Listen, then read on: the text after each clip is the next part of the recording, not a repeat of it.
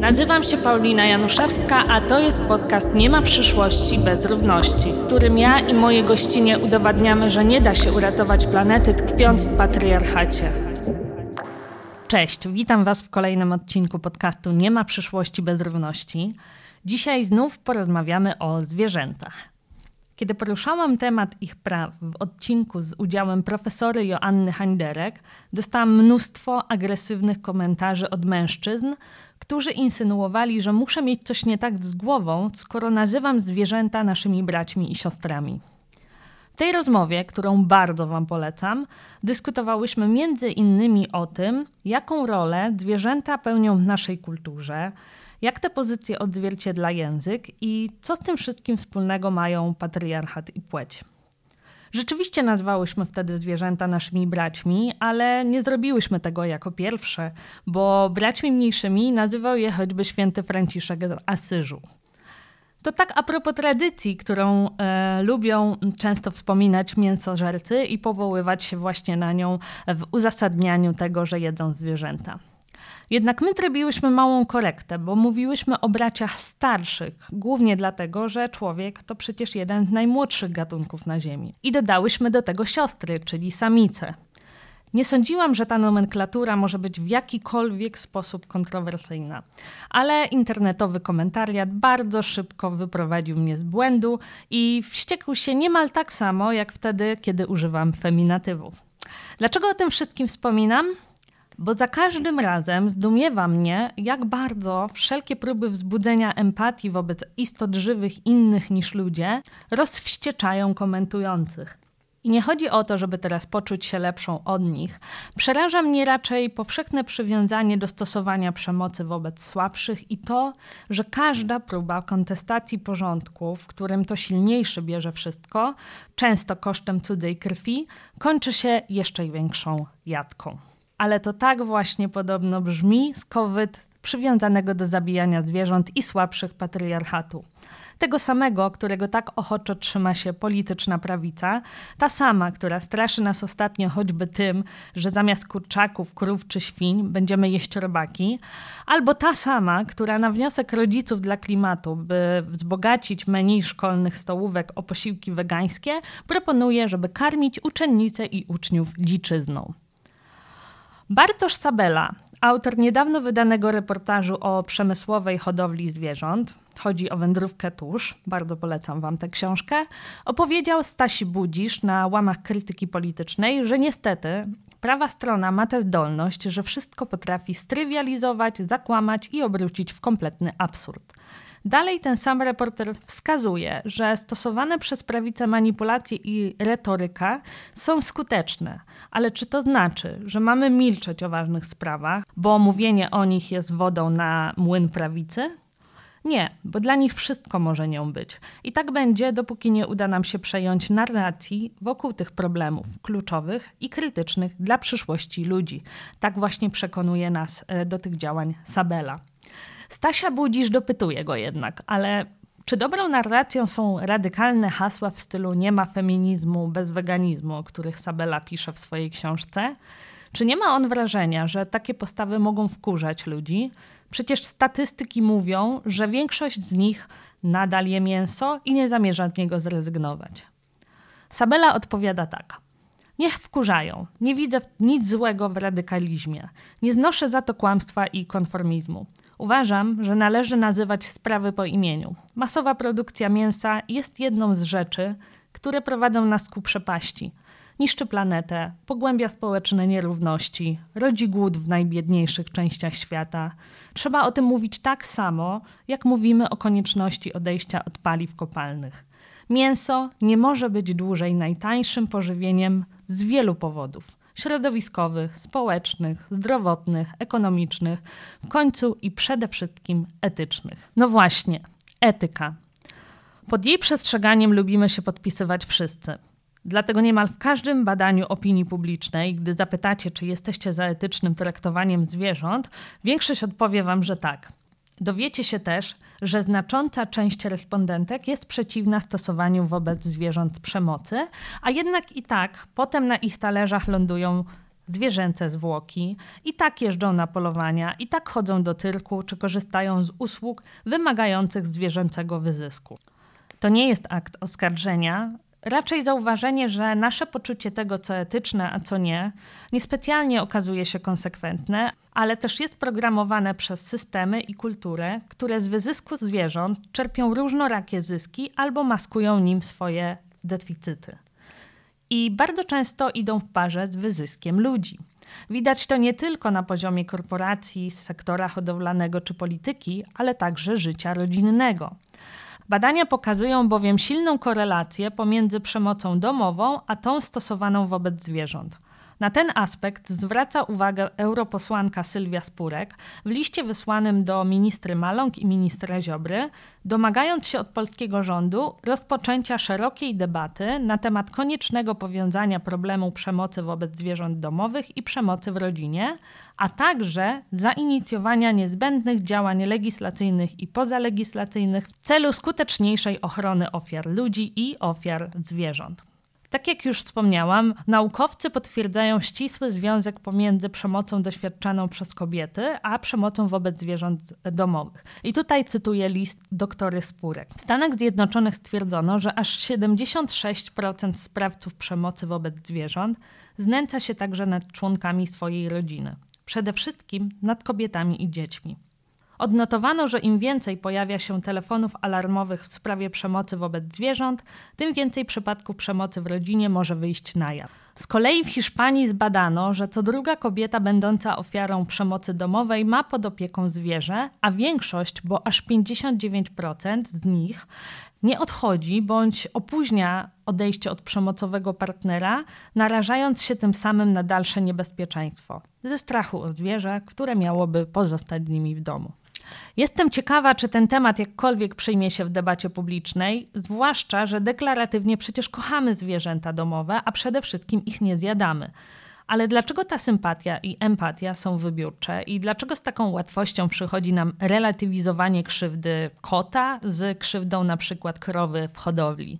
No powiem Wam dlaczego, bo sektor zajmujący się produkcją mięsa skutecznie wyłączył z naszej wyobraźni drogę, która odbywa się pomiędzy zagrodą, czy raczej halą produkcyjną, a talerzem. Tymczasem właśnie w halach mamy do czynienia ze szczególnie okrutną formą przemocy wobec zwierząt. Jaką dokładnie? O tym porozmawiam z moją dzisiejszą gościnią, Marią Madej, koordynatorką projektu Zakończmy epokę klatkową w Stowarzyszeniu Otwarte Klatki. Dzień dobry Mario, miło Cię słyszeć. E, dzień dobry, cześć, miło tutaj być. E, no to zacznijmy od tego, że w Komisji Europejskiej trwają prace nad e, zakończeniem epoki klatkowej e, we wszystkich państwach członkowskich. Datą odejścia od tego okrutnego procederu miałby być rok 2027, czyli całkiem niedługo, ale polskie ministerstwo otwarcie, oficjalnie nie wspiera tego pomysłu, albo może chowa głowę w piasek. Jak myślisz, dlaczego i E, co w zasadzie świadczy o tym, e, że rzeczywiście e, nie mamy takich planów jako kraj. To tu postawię znak zapytania. Mm, hmm.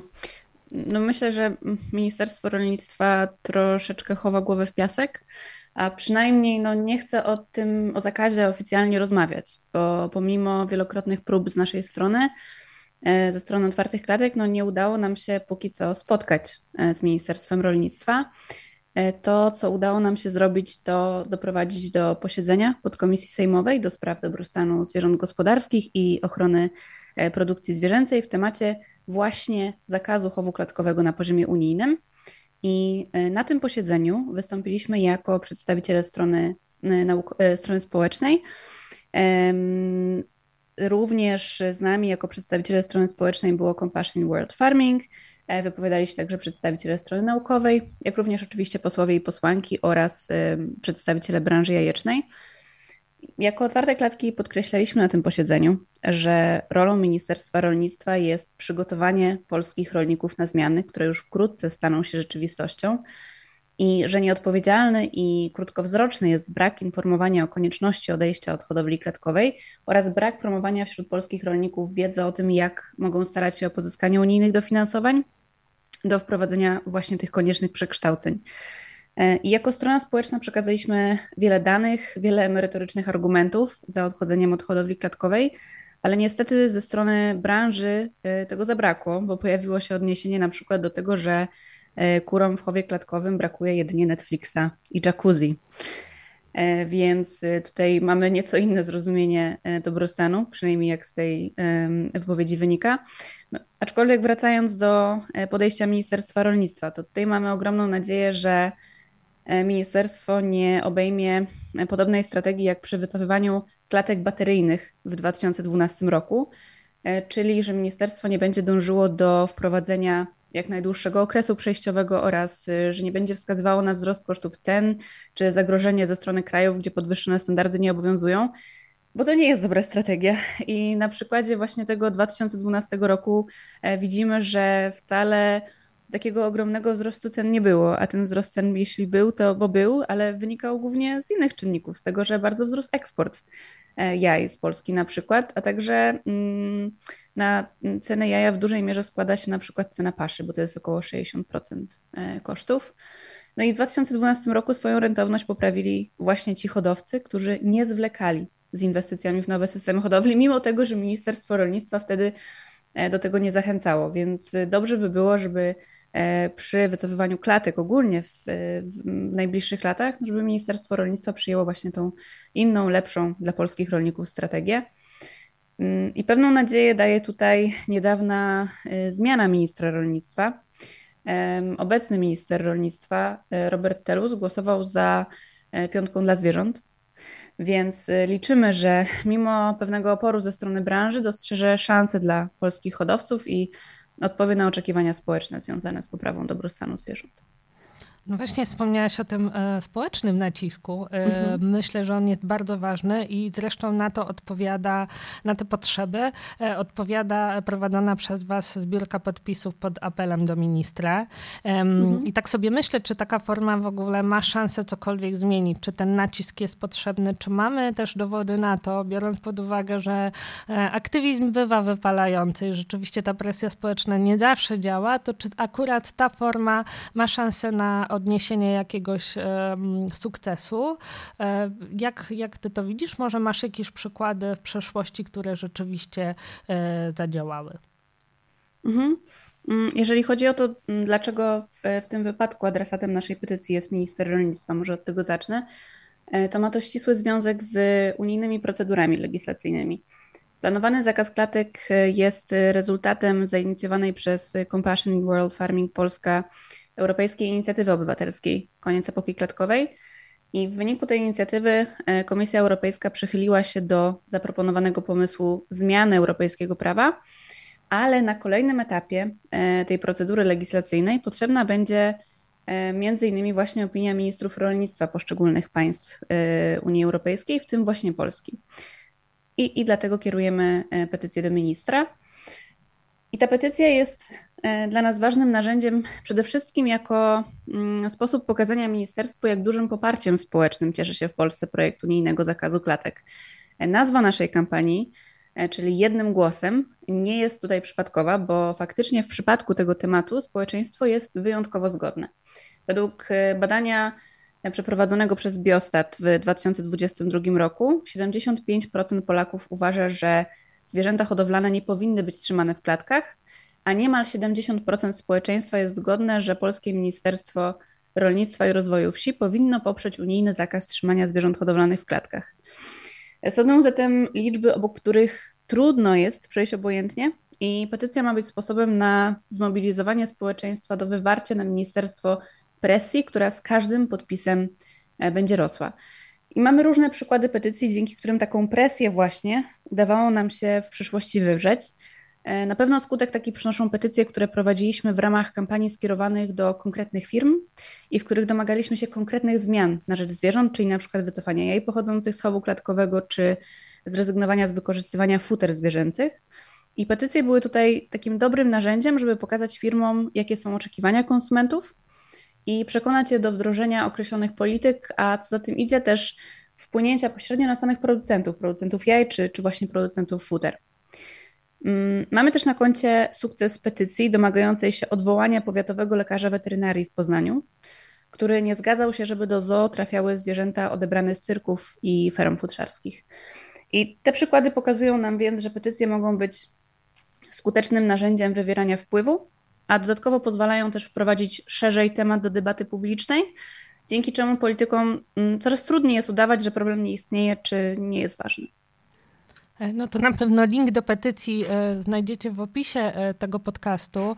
Bardzo wam, Was zachęcam do, do podpisania i sama też już jestem sygnatariuszką. I też zachęcam do obejrzenia mm, spotu, który powstał w ramach tej kampanii i którym znane osoby zmieniają się w zasadzie, przyjmują rolę zwierząt i, i stają się ich rzeczniczkami i rzecznikami. To bardzo poruszający materiał, więc zachęcam e, nie tylko tych, e, e, którzy nie mieli wcześniej do czynienia z, z, tym tematem, ale także tych, którzy e, chociażby już są e, mm, wyborcami diety e, wegańskiej. Mm. Myślę, że dla każdego to, to może być bardzo ciekawe doświadczenie i poruszające. Ale właśnie wspomniałaś o tej presji społecznej, która ma sens, to, to rzeczywiście daje pewną nadzieję, biorąc pod uwagę, jak często jednak wydaje nam się, że nie. Natomiast powiedzmy trochę więcej właśnie o tym, dlaczego w ogóle e, epoka klatkowa powinna się skończyć, w jakich e, obecnie warunkach trzymane są zwierzęta i no tutaj zmienię się w adwokatkę diabła, czyli spytam, czy naprawdę tym zwierzętom jest tam tak źle. Jeszcze może dodam do tego e, e, właśnie to skupienie się na perspektywie polskiej, bo e, to też mnie bardzo interesuje, jaką tutaj mamy skalę tego procederu, co jest nie tak, biorąc pod uwagę zwłaszcza to, że chociażby branża drobiarska chwali się tym, jak wspaniałej jakości dostarcza żywności, mięsa i jaj i jak szczęśliwe kurki chodzą po Polsce i w zasadzie czekają tylko na to, żeby je mhm. zjeść we wspaniałych warunkach. Mm -hmm. Branża drobiarska prowadzi pewien biznes, no i o ten biznes musi walczyć, więc myślę, że też z tego wynikają te kampanie, no ale może też z tego, że mm, nieco inaczej właśnie rozumie to pojęcie dobrostanu i gdzieś nie, nie kieruje się tymi najnowszymi badaniami naukowymi, które mamy, e, tylko, tylko gdzieś swoimi przekonaniami. Aczkolwiek wracając do skali tego procederu, no to ta skala jest niestety ogromna. Bo patrząc na całość polskiej właśnie hodowli, to jest około 42 miliony zwierząt, czyli e, zdecydowana większość, e, uśredniając około 80% zwierząt trzymanych jest w klatkach.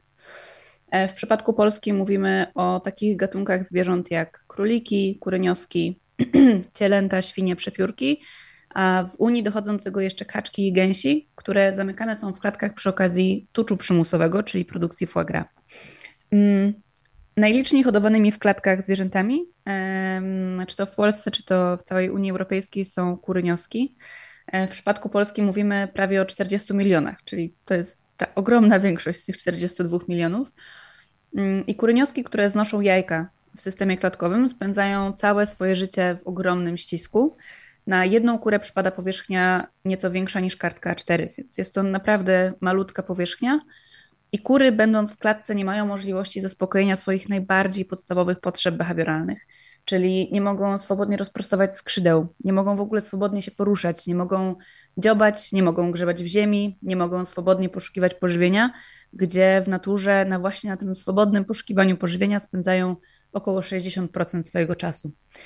E, kury też nigdy nie przebywają na świeżym powietrzu ani w naturalnym świetle, więc ich życie jest naprawdę smutne i, i pełne cierpienia. Jeżeli chodzi o cielęta, to cielęta spędzają 8 pierwszych tygodni swojego życia w kompletnej izolacji. Po urodzeniu są oddzielane od matki i umieszczane w indywidualnych kojcach, które przypominają klatki, lub w tak zwanych iglo, czyli takich plastikowych budkach. Ich przestrzeń i możliwość ruchu są w nich ograniczone do minimum, a rozwój społeczny, tak ważny dla młodych cielaków, jest niemożliwy. E, I w przypadku cieląt jest to dlatego tak ważne, ponieważ krowy są zwierzętami społecznymi. I cielęta potrzebują opieki swoich matek i potrzebują także kontaktu z innymi cielętami, zwłaszcza na tak wczesnym etapie rozwoju. Jeżeli chodzi o świnie, to tutaj dla mnie to jest jakoś tak wyjątkowo smutne, ponieważ świnie tydzień i tydzień przed i cztery tygodnie po porodzie, e, te świnie matki, lochy, umieszczane są w jarzmach porodowych, które są niewiele większe od ich ciała. Te świnie nie mają e, nawet możliwości obrócenia się, mogą jedynie się położyć i wstać. I to wszystko. Są odizolowane od pozostałych świń, a kontakt ze swoimi młodymi, e, wtedy kiedy te świnie najbardziej tymi młodymi potrzebują i chcą się zająć, ograniczone jest do karmienia ich przez pręty, przez pręty klatki. Mm, I hodowcy argumentują umieszczanie loch w tak ciastych jarzmach tym, że pozwala to na zadbanie o to, żeby nie były przygniatane prosięta. Jednak wedle najnowszych y, badań naukowych śmiertelność y, prosiąt jest mniejsza w systemach bezklatkowych, czyli w tych systemach, w których y, te matki świni nie są trzymane w tych ciasnych jarzmach. Mm, no i należy też wziąć pod uwagę, co w takiej hodowli w ogóle jest przyczyną przygnieceń. I jest to brak możliwości budowania gniazda, bo w takim gnieździe szelest ściółki alarmowałby prosięta o tym, że maciora będzie się kładła. Więc tak naprawdę e, ten problem przygnieceń prosiąt bierze się z tego, jak bardzo przemysłowa jest to hodowla i jak duże zagęszczenie zwierząt, e, zwierząt tam jest. Mm, jeżeli chodzi o króliki, bo jeszcze nam zostały króliki, to króliki hodowane są w drucianych klatkach. To są króliki, które są hodowane e, na mięso. I w tych klatkach e, króliki nie mogą też realizować istotnych dla swojego gatunku potrzeb, czyli nie mogą kopać w ziemi, nie mogą skakać. No myślę, że króliki gdzieś e, chyba są takimi zwierzętami, których potrzeby jest nam najłatwiej sobie wyobrazić, bo też króliki czasem e, funkcjonują jako pupile w naszym społeczeństwie. No a te króliki, które są w, w hodowli przemysłowej, właśnie są w tych drucianych klatkach, w których do dyspozycji mają bardzo mało miejsca, i których środowisko życia jest całkowicie jałowe. E, I podsumowując, niezależnie od y, gatunku, e, klatka zawsze będzie synonimem okrucieństwa wobec zwierząt.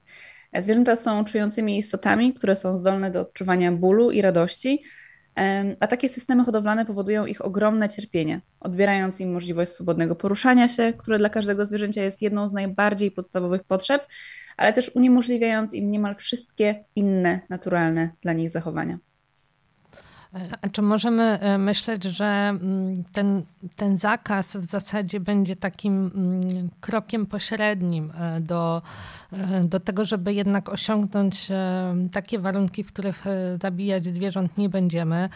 To znaczy, mm, czy, czy, czy możemy myśleć, że, że to jakiś kamień milowy, czy raczej należy też tutaj brać pod uwagę fakt, że e, ich sytuacja nadal się nie poprawi tak drastycznie, e, istotnie. To znaczy chodzi mi o to, czy, czy chów klatkowy mm, jego zakaz zakończyłby e, ten proceder, czy producenci mięsa przypadkiem też nie znajdą sposobów na obejście tego zakazu i tak naprawdę jak bardzo zmieni się sytuacja zwierząt po wprowadzeniu samego tego zakazu. To trochę takie pytanie, e, oczywiście nie podważające e, całej waszej kampanii, e, ale gdzieś tam będące z tyłu głowy każdego, kto walczy o prawa zwierząt i domyślam się, że wśród naszych słuchaczek sporo takich osób jest. Mm, to co byś odpowiedziała na te, na, te wątpliwości? Najpierw wydmucham nos i już odpowiadam. Jasne, na spokojnie. Mm, Odpowiedziałabym tak, że yy, po pierwsze bardzo cieszę się z tego pytania, bo dla nas jako dla otwartych klatek bardzo ważne jest yy, takie przyglądanie się naszym działaniom i zastanawianie się, czy, czy one są efektywne i też takie krytyczne patrzenie na to, co robimy. Dlatego czasem zmieniamy strategię, rezygnujemy z jakichś projektów, nawet już, yy, nawet już długotrwających, więc, więc super, że jest to pytanie. I już, już, już tłumaczę. Wycofanie klatek to jest taki mm, pewien krok w kierunku poprawy dobrostanu zwierząt. Oczywiście, e, jeżeli spojrzy się na, na całą hodowlę, no to można stwierdzić, że to nie jest duży krok. ale w tym wszystkim powinniśmy głównie skupiać się na zwierzętach i na tym, ile i jak one cierpią. I z perspektywy zwierząt, wedle, mm, wedle obecnych e, danych naukowych, to wycofanie klatek jest dla nich ogromną, ogromną zmianą, bo znacząco redukuje ilość cierpienia oraz umożliwia im realizację tych właśnie naturalnych potrzeb gatunkowych. I także może co też jest istotne do podkreślenia, to to, że wycofanie klatek, czyli tych systemów, które są najbardziej zautomatyzowane, wiążące się z największym też zagęszczeniem zwierząt, wiąże się też często ze zmniejszeniem obsady zwierząt, więc ogólnie ze zmniejszeniem e, liczby zwierząt, które, e, które hodujemy. Mm, więc zdecydowanie to wycofanie klatek jest taką dużą, dużą zmianą mm, z perspektywy zwierząt. Jeżeli chodzi o jakieś próby obejścia e, zakazu, no to na pewno próby obejścia prawa zawsze będą i jakby tutaj nie ma co się oszukiwać, że ich nie będzie, ale prawo daje nam możliwość penalizacji zachowań niezgodnych z prawem. W tym momencie trzymanie zwierząt w klatkach jest całkowicie legalne i w związku z tym nic nie możemy z tym zrobić. Um, znaczy, jest wiele rzeczy, które możemy robić i robimy, aczkolwiek no, chodzi mi o to, że jakby nie możemy um, no, penalizować tych zachowań. A jak będzie prawny zakaz, no to już będzie po prostu taka możliwość. Mm, oczywiście e, prawo wprowadzone w życie należy egzekwować, sprawdzać, weryfikować i to z pewnością będzie konieczność. Mm, a z takich mm, ciekawostek, no ciekawostek, o których mogę opowiedzieć, to to, że w przypadku górniosek już, już teraz e, są pewne próby odejścia, obejścia wycofywania klatek, e, dlatego że istnieją tak zwane, istnieją takie systemy ściółkowe z możliwością tymczasowego zamknięcia kur. Jaja z takich systemów stemplowane są jako jaja ściółkowe, a kury mogą być zamknięte nawet i cały czas, bo ciężko jest to realnie kontrolować, czy kury są zamykane tymczasowo, e, zgodnie z mm, jakimiś wytycznymi tego systemu, czy są zamknięte cały czas. I dlatego jako organizacje prozwierzęce staramy się, bardzo się staramy, żeby w tym unijnym zakazie też ujęty został zapis o takich systemach, żeby, żeby ich stosowanie nie było dozwolone i żeby ten zakaz stosowania klatek realnie oznaczał też zakaz stosowania klatek, e, czyli także tych systemów e, z tymczasowym, e, tymczasową możliwością zamknięcia kur. No myślę, że to jest dużo wyzwań też regulacyjnych, ale też jeśli chodzi o faktyczne przestrzeganie kontroli. Rzeczywiście wiele raportów wskazuje na to, że ten sektor e, w Polsce chociażby nie działa. E, nawet e, raport Najwyższej Izby Kontroli o stanie mm, naszej żywności nie wygląda najlepiej i też mówi, że właśnie te instytucje kontrolerskie niestety zawodzą, są niedofinansowane, brakuje tam po prostu też kompetentnych specjalistów, ale też zastanawiam się, bo jak opowiadasz o, o tym, jak wygląda relacja na linii E, ministerstwo, a e, rolnicy, e, czy raczej powinniśmy powiedzieć hodowcy przemysłowi, to rzeczywiście trochę wygląda to tak, i jeszcze do tego społeczeństwo, to wygląda to tak jak kwestia zamykania kopalń, że rzeczywiście czekamy do ostatniej chwili, obiecujemy jakieś gruszki na wierzbie, no a potem się budzimy z ręką w nocniku. I, i bardzo, bardzo mi te, te dwie sprawy wyglądają na podobnie podobne. Zastanawiam się jednak, czy ze strony samych rolników, producentów żywności jest jakaś chęć zmiany. E, raczej wspominałyśmy do tej pory, że nie, ale czasami te współprace również Wam, jako otwartym klatkom, się udają. I też e, w jaki sposób e, możesz odpowiedzieć na tę narrację, w której mówi się, no kolejne regulacje to zabiją polską gospodarkę, zwłaszcza właśnie to rolnictwo, które jest, lubimy tak bardzo fetyszyzować, choć tak naprawdę chodzi o wielkie koncerny, a nie tych rolników, którzy mają krowę i, mhm. i nie wiem, i świnie w um, swojej stodole. Więc no, tutaj jak, jakbyś odpowiedziała na taką narrację, no i czy rzeczywiście są przykłady e, takich udanych współprac? Może gdzieś tam jednak ci hodowcy są skłonni e, tym zmianom, albo zdają sobie sprawę z tego, że one nieuchronnie nadejdą. Mm, no tak jak w każdym środowisku, są osoby, które są bardziej otwarte na zmianę, jak i są osoby, które bardzo kurczowo trzymają się statusu quo i jakby nie chcą, nie chcą nic zmieniać. E, no i właśnie tak też jest z, z hodowcami, też z producentami żywności, czy, czy, czy w ogóle całym spektrum biznesu. Jeżeli chodzi o jakieś e, zmiany w, w kierunku wycofywania klatek, to e, po pierwsze chciałabym powiedzieć właśnie o tym biznesie, który używa jaja klatkowe. I będę mówić tutaj głównie o jajach, dlatego że mm, też wspomnę o tym potem, no ale tutaj najłatwiej jest o tym mówić, bo po prostu te produkty, te jaja są znakowane pod kątem tego, czy pochodzą z chowu klatkowego, czy nie. Jeżeli chodzi o inne produkty, to takiego oznakowania nie ma, więc też ciężej jest um, jakby tutaj te, ten temat rozróżniać. Mm, I producenci żywności, branża handlowa, e, hotele, restauracje, cateringi wycofują jaja klatkowe z oferty i produkcji. Na ten moment 150 e, firm w Polsce, w tym czołówki wymienionych e, branży, e, wydały deklarację wycofania jajosłowu klatkowego najpóźniej do 2025 roku i już teraz, przed czasem, jedna trzecia tych firm wdrożyła swoje deklaracje w życie, czyli całkowicie wycofała jaja klatkowe z oferty. Można zatem powiedzieć, że biznes jest już w trakcie zmian i albo przygotowuje się do wycofania, klatek, albo jest już po prostu na to gotowy. Jeżeli chodzi o branżę jajeczną, mm, tutaj no, sprawa jest właśnie nieco bardziej skomplikowana, bo najwięksi czy, czy duzi producenci już e, od paru lat nie inwestują w systemy klatkowe e, i są w trakcie transformacji w systemy alternatywne. Tym samym dostrzegając europejskie trendy, trendy, dostrzegając oczekiwania społeczne i biorąc pod uwagę perspektywy legislacyjne. Jednak nadal duża część branży, a przynajmniej izby drobiarskie, które te branże reprezentują, nadal mają nadzieję, że zakaz nie wejdzie w życie, gdy naprawdę na to jest dość niska szansa. Aczkolwiek, jeżeli się nad tym zastanowić, to jest to do pewnego stopnia zrozumiałe, ponieważ um, wycofywanie klatek wiąże się nie tylko z modernizacją ferm i ze zmianą tego systemu utrzymania, ale także ze zmianą podejścia do zwierząt, ponieważ fermy klatkowe są E, bardzo zautomatyzowane i wymagają stosunkowo niewiele pracy, podczas gdy już fermy ściółkowe chociażby wymagają zrozumienia behawioru zwierząt i pewnej współpracy z nimi tak naprawdę. Mm, I patrząc na, patrząc na trendy europejskie, ale też na obecny import y, tanich produktów, tanich, no to znaczy tańszych niż w Polsce, produktów klatkowych z Ukrainy, e, przejście na systemy alternatywne wydaje się być jedyną szansą dla hodowców, by zachować konkurencyjność, i my, jako otwarte klatki, staramy się to hodowcom uświadomić.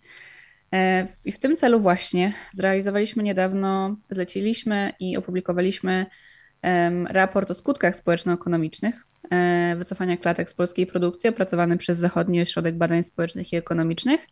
I wyniki tego raportu jasno nam pokazują, że wycofanie klatek wcale nie będzie takie kosztowne, jak obawia się branża i że w obliczu dofinansowań z Unii Europejskiej to tak naprawdę jest szansa, a nie zagrożenie dla polskiego rolnictwa.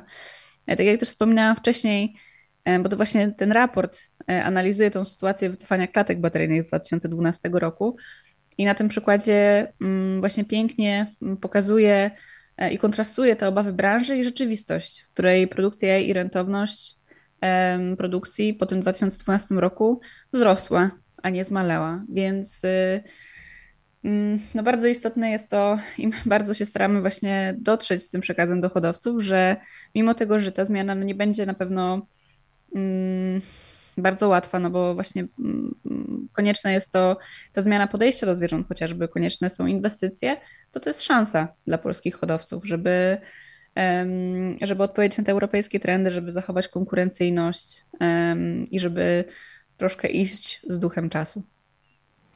Tak dużo miejsca poświęciłyśmy okrucieństwu wobec zwierząt, e, ale jeśli kogoś ten argument mimo wszystko nie przekonuje, e, to też chyba warto zastanowić się nad tym, e, czy to nie jest kwestia naszego zdrowia.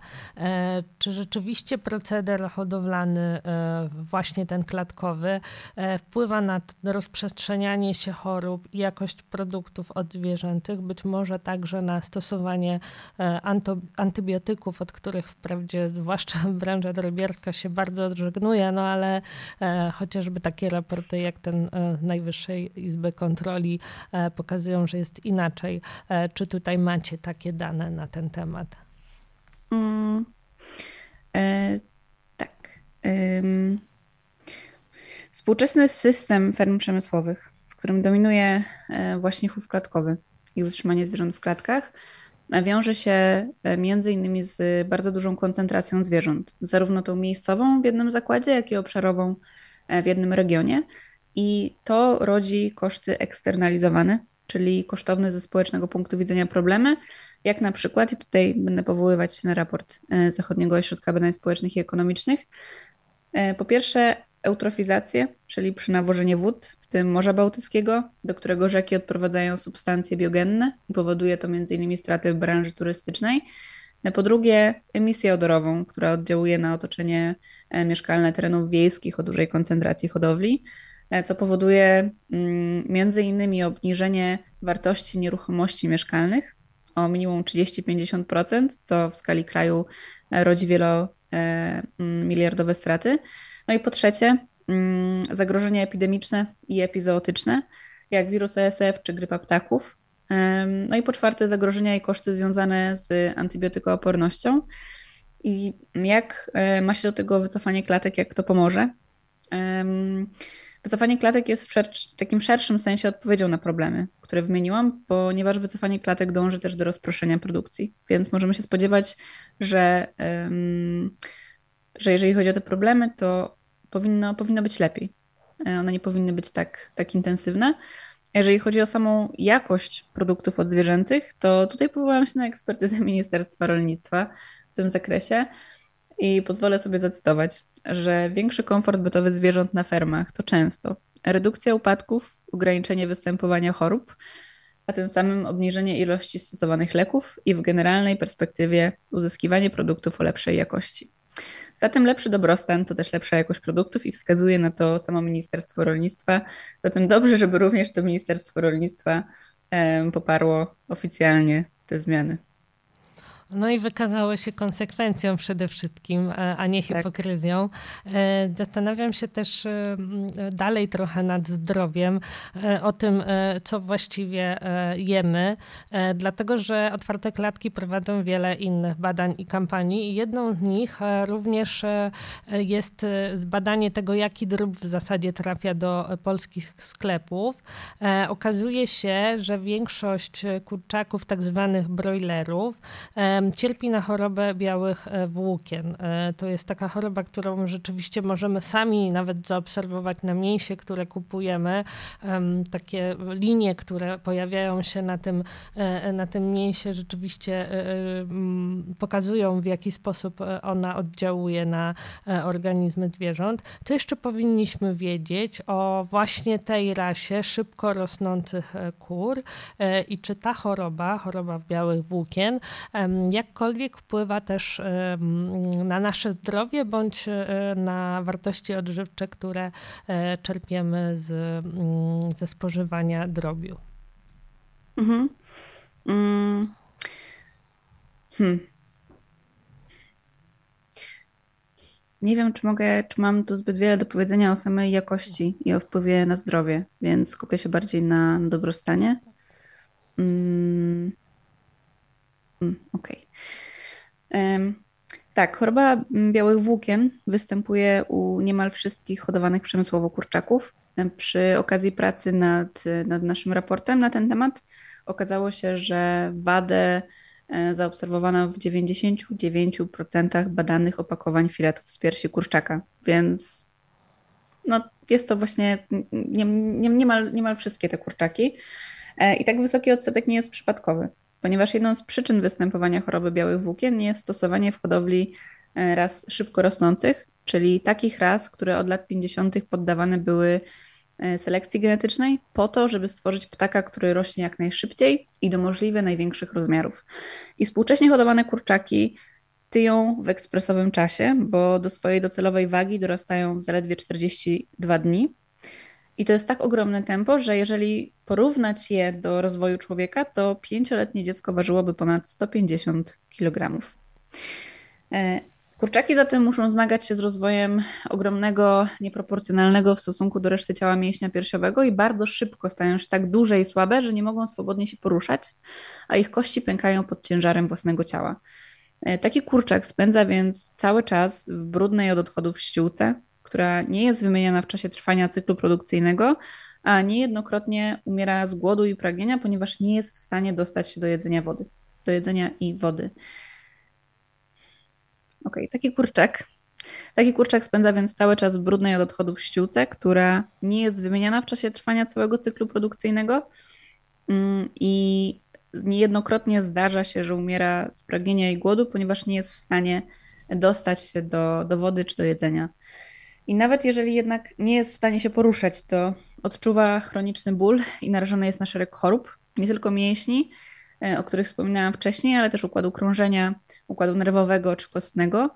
Serce nie nadąża z pompowaniem krwi, podobnie jak inne przeciążone narządy, i wiele ptaków nie dożywa uboju z powodu tak zwanego syndromu nagłej śmierci.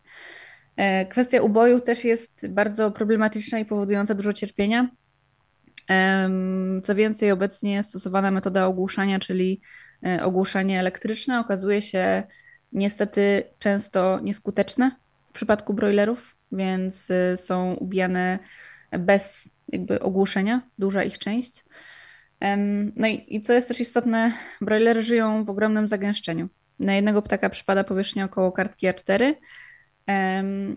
Mimo tego, jakby to nie jest największy problem w hodowli kurczaków broilerów, e, największym problemem jest selekcja genetyczna, która spowodowała, że dla kurczaka, mimo że kurczaki hodowane na mięso nie są trzymane w klatkach, to dla kurczaka najgorszą klatką, która uniemożliwia mu poruszanie się, jest jego własne ciało. Więc los kurczaków hodowanych na mięso też jest, też jest bardzo okrutny. E, mimo, że nie są trzymane w klatkach, to, to ich życie jest pełne cierpienia kampanii na rzecz zakazu chowu klatkowego powołujecie się na liczby, o których wspomniałaś, e, czyli na to, że rzeczywiście w społeczeństwie jest bardzo duże poparcie dla zakazu chowu klatkowego, e, że skala okrucieństwa, która dotyka zwierzęta, rzeczywiście gdzieś leży nam na sumieniu. No ale gdy przychodzi do e, wyborów konsumenckich i tak dalej, to niestety wciąż spożycie mięsa jest bardzo e, wysokie i z jednej strony myślę sobie, że to hipokryzja e, e, społeczna, a z drugiej no też rozumiem, że, że te wybory są podyktowane różnymi kwestiami i też kulturą, która nas cały czas zachęca i wychowuje w tym uwielbieniu dla produktów odzwierzęcych. Zastanawiam się, jak radzicie sobie z, tym, z tą taką ambiwalencją w organizacji i Jakie w zasadzie metody e, skłaniają ludzi, biorąc pod uwagę Wasze wszystkie kampanie, do tego, żeby jednak e, myśleli nie tylko o samym okrucieństwie, ale także o tym, żeby przechodzić na dietę wegańską? Czy. Mm, Widzisz tutaj jakieś pole e, takich działań, czy bardziej działa na przykład dialog, e, takie spokojne zachęcanie, czy jednak radykalizm? To są zawsze te pytania e, mhm. trudne dość dla aktywistów i generalnie osób, które domagają się jakiejś zmiany e, społecznej, ale, ale właśnie gdybyśmy mogli sobie tak trochę o tym e, podyskutować, również być może z Twojej własnej perspektywy, mhm. jak to wygląda, e, czy te wewnętrzne konflikty rzeczywiście jakoś zderzają się z rzeczywistością i kiedy mają szansę. Um, zrobić coś dobrego po prostu i być twórcze, a, a kiedy jednak zderzają się z, to, z tą rzeczywistością trudną. Mm, hmm. Okej, okay, to mm, chciałabym zacząć od tego, że musimy pamiętać, że mm, jako ludzie jesteśmy e, zwierzętami bardzo społecznymi, w związku z czym e, bardzo patrzymy na to, co robią ludzie wokół nas. E, a obecnie, no tak jak wspominałaś, no cały czas jakoś bardzo mocno promowane jest spożywanie produktów odzwierzęcych, więc decyzja o tym, żeby ograniczyć ich spożywanie, czy zrezygnować z ich spożywania, no jest taką bardzo trudną społecznie e, decyzją. Mm, I to, co na pewno jako otwarte klatki widzimy, to e, warto jest proponować ludziom zmiany, które są proste, które są zrozumiałe, które mm, nie wymagają jakichś bardzo dużych, radykalnych zmian. Dlatego, że no też my działamy wedle zasady efektywnego altruizmu, czyli staramy się pomagać, pomóc jak największej liczbie zwierząt, jak najbardziej ograniczyć ilość cierpienia w jak najkrótszym czasie. No i wiemy, że znacznie łatwiej jest przekonać ludzi do, do wdrożenia pewnej małej zmiany, która będzie miała już duże znaczenie dla zwierząt, niż do na przykład całkowitej redukcji, e, czyli do po prostu zaprzestania spożywania produktów odzwierzęcych. Też wiemy, że no nie wszyscy są po prostu na to gotowi, może nigdy nie będą tak naprawdę na to gotowi. E, dlatego też właśnie chcąc e, ograniczać maksymalnie tę ilość cierpienia jak najszybciej, dlatego też skupiamy się na wycofaniu chowu klatkowego. E, I tutaj mamy taki mm, prosty przekaz e, dla konsumentów, czyli nie kupujcie jaj z chowu klatkowego. E, mówię o jajach, dlatego że właśnie w przypadku jaj jest jedynie to oznakowanie. W przypadku innych produktów odzwierzęcych nie ma takiego oznakowania. Są prace unijne w tym zakresie, no ale to jeszcze z pewnością minie parę dobrych lat, zanim takie oznakowanie zostanie wprowadzone, albo nawet jeszcze więcej, bo, mm, bo w tym momencie prace unijne są na poziomie takim, żeby może proponować takie nieobligatoryjne, ale mm, takie, mm, no właśnie, nieobligatoryjne oznakowanie, ale jeżeli, a jeżeli to oznakowanie nie będzie obligatoryjne, no to na pewno wszystkie produkty nie będą, e, nie będą tak oznaczone. Jeżeli chodzi o jaja klatkowe, to tutaj widzimy, że coraz więcej, e, coraz więcej ludzi, coraz więcej Polaków faktycznie mm, wybiera te jaja bezklatkowe, bo no już pomijając wyniki badań opinii społecznych, które wiemy, że pokazują po prostu pewne trendy, że to nie jest jeden do jeden przełożenie do zachowań konsumenckich, ale mm, dostajemy, bo co roku zbieramy informacje od firm, które wycofują jaja klatkowe o postępach w tym zakresie. I e, dane, które otrzymujemy od sieci handlowych, wskazują na wzrost sprzedaży jaj bezklatkowych, więc no to już jest taki konkret, który pokazuje, że faktycznie ludzie więcej tych jajek bezklatkowych w stosunku do jaj klatkowych kupują. Mm, też y, niektóre sieci handlowe już całkowicie wycofały je klatkowe świeże e, przed tym terminem, do którego się zobowiązały, no więc też nie zrobiłyby tego, jeżeli e, tego popytu na jaja bezklatkowe by nie było. E, no ale oczywiście no, część konsumentów nadal te jaja klatkowe wybiera i szukając y, powodów, dla którego ludzie to robią, zleciliśmy badanie opinii społecznej którym właśnie Biostat zapytał się konsumentów, dlaczego, jeżeli nie kupują jaj bezklatkowych, to dlaczego kupują cały czas jaja klatkowe. No i tam dwa główne powody, które zostały wyłonione w procesie tego badania, to to, że nie ma łatwego dostępu do jaj bezklatkowych, albo że ich cena jest wyższa. I w sumie to są dobre wiadomości, dlatego że z czasem te dwa czynniki, jakby ich znaczenie będzie się zmniejszać, ponieważ im więcej sieci handlowych, im więcej firm wycofuje jaja klatkowe, e, tym większa będzie podaż tych jaj bezklatkowych, więc też tym lepszy będzie do nich dostęp. No i już jest coraz lepszy. Mm, a jeżeli chodzi o cenę, no to tutaj również podobnie. Im więcej będzie jaj bezklatkowych produkowanych, no to tym po prostu ich cena też, e, też będzie coraz mniejsza.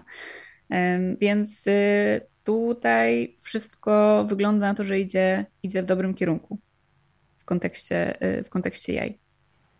I twoje pytanie było dosyć długie, więc jeżeli nie odniosłam się do jakiegoś aspektu, to jakbyś mogła powtórzyć, to ja się odniosę jeszcze. Zapytam Cię dalej, e, mm, pogłębiając trochę to pytanie, jak znaleźć taki mm, złoty środek pomiędzy prywatyzacją winy, a jednak um, mówię tutaj o prywatyzacji winy jednostki, e, a takim podejściem, że to wina systemu i nic nie można zrobić. Na ile mhm. powinniśmy jednak i na ile Wy też jako otwarte klatki bardziej skupiacie się na rozwiązaniach systemowych, a na ile na zmianie e, nawyków konsumenckich.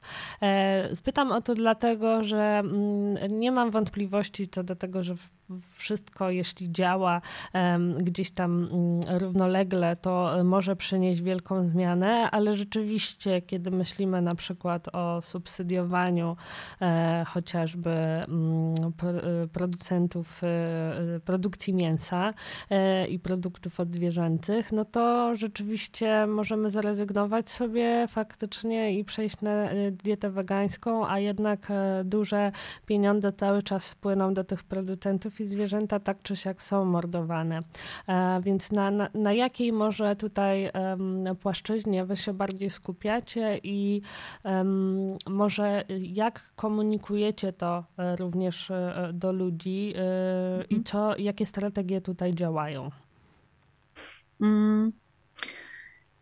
Na pewno zmiany na poziomie systemowym są dla nas bardzo istotne i myślę, że to jest coś, na czym się głównie skupiamy, ale nie jedynie.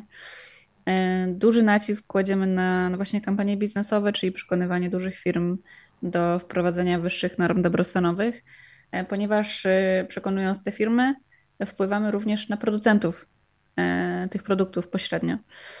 Mm, I przyjmowanie, jakby skupianie się na takiej strategii jest dużą oszczędnością czasu, ponieważ wycofanie z oferty sieci sklepów jajek klatkowych przynosi podobny skutek jak przekonanie wszystkich klientów tej sieci do mm, niekupowania takich jajek, z tym, że w zdecydowanie krótszym czasie.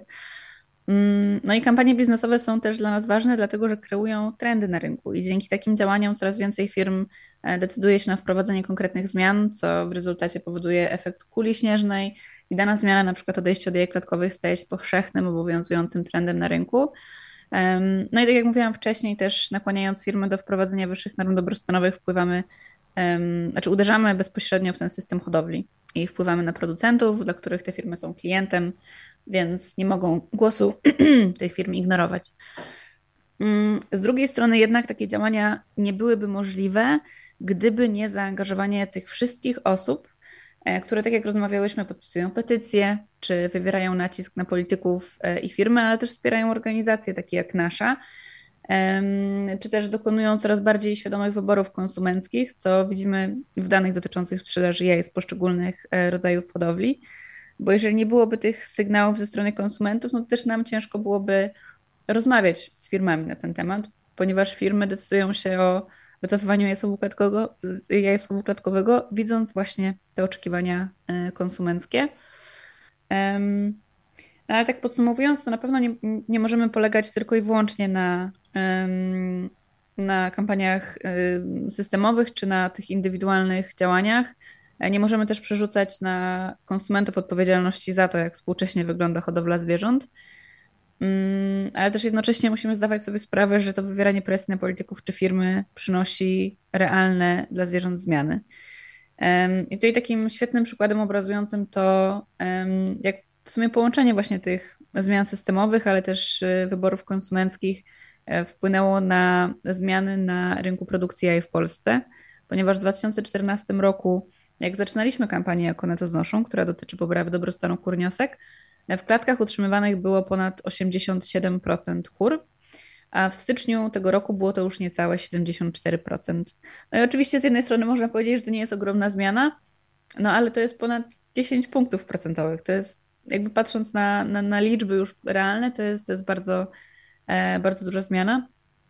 Mm, więc to, co powiedziałabym mm, ludziom, e, konsumentom, ludziom, którzy chcą pomóc, to na pewno warto wspierać organizacje prozwierzęce, warto, warto podpisywać petycje, warto wspierać zmiany systemowe, ale z drugiej strony no, nie zapominać o tych wyborach konsumenckich, bo mimo tego, że to dzięki zmianom systemowym jesteśmy w stanie więcej osiągnąć w krótszym czasie, to tych zmian systemowych by nie było, gdyby nie te nasze codzienne wybory konsumenckie. Ja myślę, że to jest bardzo dobra puenta tej rozmowy. Bardzo Ci za nią dziękuję. E, moją gościnią była Maria Madej z Otwartych Klatek. E, ja zostawiam Wam oczywiście linka do petycji. E, koniecznie podpisujcie. No i cóż, mam nadzieję, że weganizm to jest ta przyszłość, do której jednak dążymy. bardzo bym chciała, żeby nasze słuchaczki też podzielały tę tezę. ja już zrezygnowałam z mięsa i z produktów odzwierzęcych jakiś czas temu i, i generalnie uważam, że to była najlepsza decyzja w moim życiu, więc myślę, że, że warto tutaj się zainspirować. Jeszcze raz bardzo Ci dziękuję, Mario, za tę rozmowę i słyszymy się w kolejnym odcinku. Również bardzo dziękuję.